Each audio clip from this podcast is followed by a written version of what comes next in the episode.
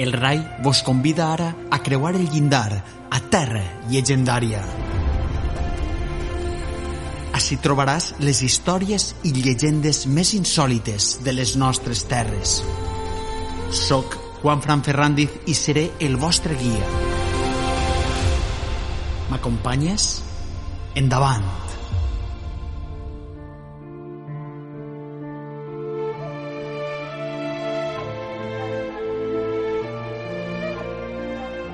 Nosaltres, la família que anem per la terra llegendària, sabem que la majoria de llocs especials guarden les seues llegendes. De vegades són ben conegudes i encara es conten per la gent del lloc, però en altres casos el que queda es troba amagat. La gent quasi no ho recorda i cal buscar en vells llibres per a recuperar la memòria popular. La llegenda d'avui és un exemple, tot i que parla d'un lloc segurament ben conegut per bona part de l'audiència. Per a descobrir-la, enfilem cap a l'interior de la província de València fins a arribar a un lloc privilegiat per tenir el més valuós dels tresors de la natura, aigua en abundància. Amb la veu de Geles Ferrandiz, de Ràdio Cosentaina, anem al llac d'Anna.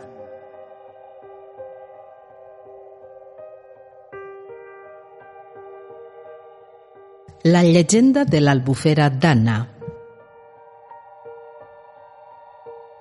Els llocs on la naturalesa ha estat més generosa des de sempre han despertat un interès especial en la gent que viu a prop. És com si una part sensible de nosaltres, diguem-li intuïció, captara en la bellesa del paratge alguna cosa especial – Aleshores, la fantasia trata d'explicar la raó per la qual l'indret és extraordinari i és quan entrem en el terreny de les llegendes. Un d'eixos paratges especials el tenim a l'interior de la província de València. Es tracta de la Llacuna d'Anna, a la comarca de la Canal de Navarrés. Tota la comarca té racons d'una bellesa encisadora, però el tresor més gran que tenen és l'aigua, i en Nana la presència de l'aigua és extraordinària. La llacuna, les sèquies que s'escampen per les hortes i, sobretot, la sèquia madre que creua el poble i que forma fins i tot una cascada en la plaça principal, és una cosa que resulta sorprenent i des de sempre ha plantejat un enigma. D'on ve tanta aigua? Durant segles va ser un misteri que va generar una sèrie de llegendes i avui, en terra llegendària, volem compartir-ne una de les més conegudes.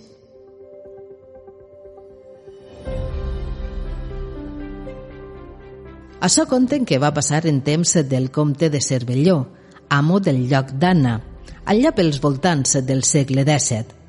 Aficionat a la caça, com a bon senyor d'arca i ganivet, no perdia ocasió d'envoltar-se d'amics amb qui emprendre una partida. En una ocasió, després d'haver cobrat en nombroses peces, el comte es va llançar a la cerca d'un senglar que creia haver deixat malferit.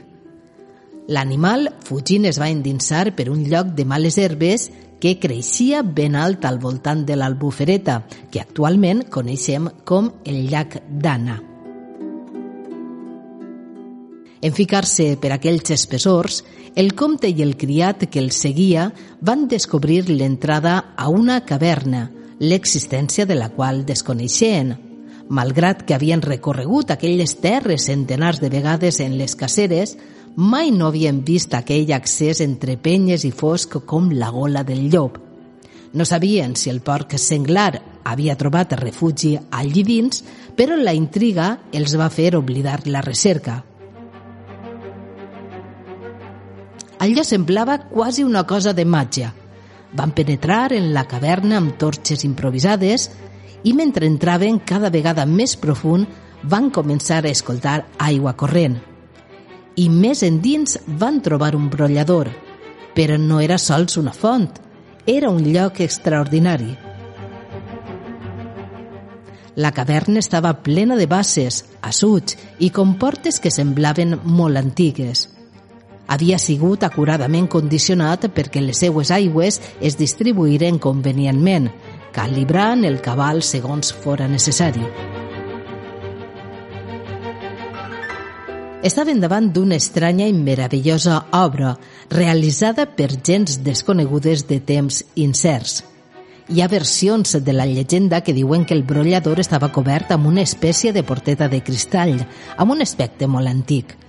El comte de Cervelló va endivinar que aquella obra misteriosa era la causant de la riquesa immensa de les fonts de l'entorn d'Anna, que regava generosament els camps propers i que s'havia construït amb tanta perícia que ella sola podia regular, sense necessitat de la intervenció de ningú, el cabal de tots els brolladors de la comarca, inclòs el que proporcionava l'aigua a la llacuna.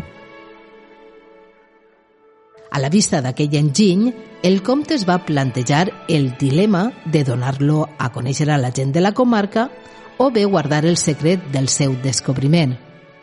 En la seva ment va sorgir la idea que si arribara a ser conegut, els llauradors o manipularien el seu antull, distribuint l'aigua conforme a capritxos que, eventualment, podrien causar perjudici a uns altres. Va manar, doncs, al seu criat que segellara l'entrada o la porta de la cova i el va fer jurar que mai no en parlaria d'allò.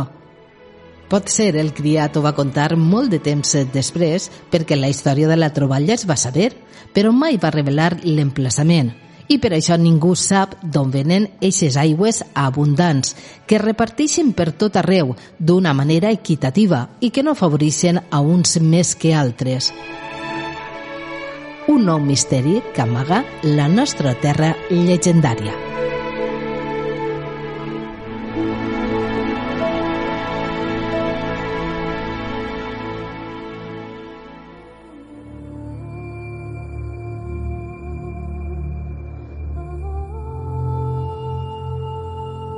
Com deia l'investigador Juan G. Atienza, per a entendre bé la importància d'aquesta llegenda d'Anna, hem de relacionar-la amb altres de territoris llunyans, tots ells vinculats a l'aigua. Per exemple, els famosos Ulls del Guadiana, o el lloc sagrat que en temps antics representava la marjal del coto de Donyanna. Fixeu-vos, Guadiana, Donyanna, Anna...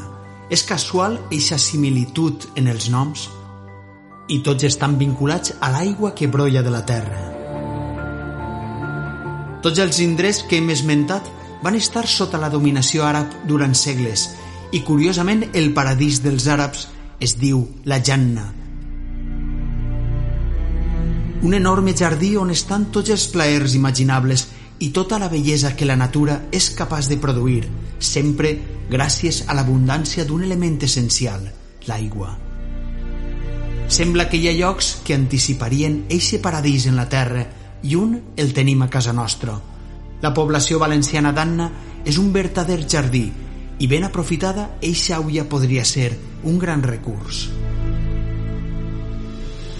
Però, i si el nom no referirà sols a un jardí dels antics habitants musulmans, sinó que remuntara molt més arrere en el temps, a una època ancestral on la línia que separava el món natural del món extraordinari era molt més fina. Recordem la font de la Janna, la Jonaina, la Xana Asturiana i altres dones d'aigua que són anomenades d'una forma molt pareguda a Anna i sempre amb l'aigua com element essencial.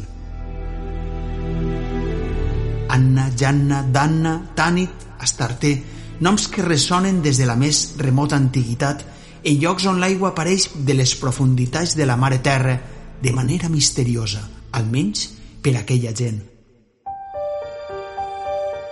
és com un senyal que ens parla que allí es donarà la fertilitat i l'abundància si el lloc es manté protegit pel seu genius loci, el seu esperit protector. Altra cosa interessant de la llegenda que hem escoltat és la precaució del comte de Cervelló. No podem negar que des de finals del segle XVIII fins a pràcticament fa unes dècades els valencians hem sigut depredadors de la terra i dels recursos, fins deixar el nostre jardí ben esmortit. Allí on hi havia aigua profunda, l'hem explotada més del que podia regenerar, i allà on l'aigua corria, l'hem fet a servir per arrossegar la brutícia. Anna la llacuna i els seus brolladors al voltant, en canvi, no han estat destruïts ni arrasats. Siga o no certa la llegenda de la troballa del comte de Cervelló, ningú no ha pogut violentar el tresor d'eixe racó del territori i l'aigua no ha sigut motiu de grans conflictes, com en altres llocs on va ser necessari la creació d'un tribunal, com l'històric Tribunal de les Aigües de València. Qui sap si el geni femení que sol protegir sempre les fonts els barrancs esbrolladors a les nostres terres i tenen un nom que sona molt semblant a Anna, ha protegit el seu domini i ha preservat el paratge natural. Pot ser en contra de la prosperitat econòmica com a zona paperera, com ho van fer altres llocs on també tenien aigua en abundància i que van ser explotades fins l'extrem. El ser humà pot ser molt destructiu quan vol. La llegenda d'avui, independentment del que ens ha contat, és com un crit del temps, que ve de molt enrere per advertir-nos de la importància de cuidar eixe recurs, la nostra aigua. Cosa que a mesura que el canvi climàtic avance serà més i més important. I no ens estranyaria que la zona d'Anna i els voltants en pocs anys siga una de les nostres grans reserves d'aigua dolça. Serà així si respectem el nostre territori i ajuda molt conèixer-lo inclòs el seu patrimoni material format per històries insòlites i llegendes com la que hem escoltat avui. Són històries que porten mensatge, que tenen ànima. Per això vos les contem així, en la vostra terra llegendària.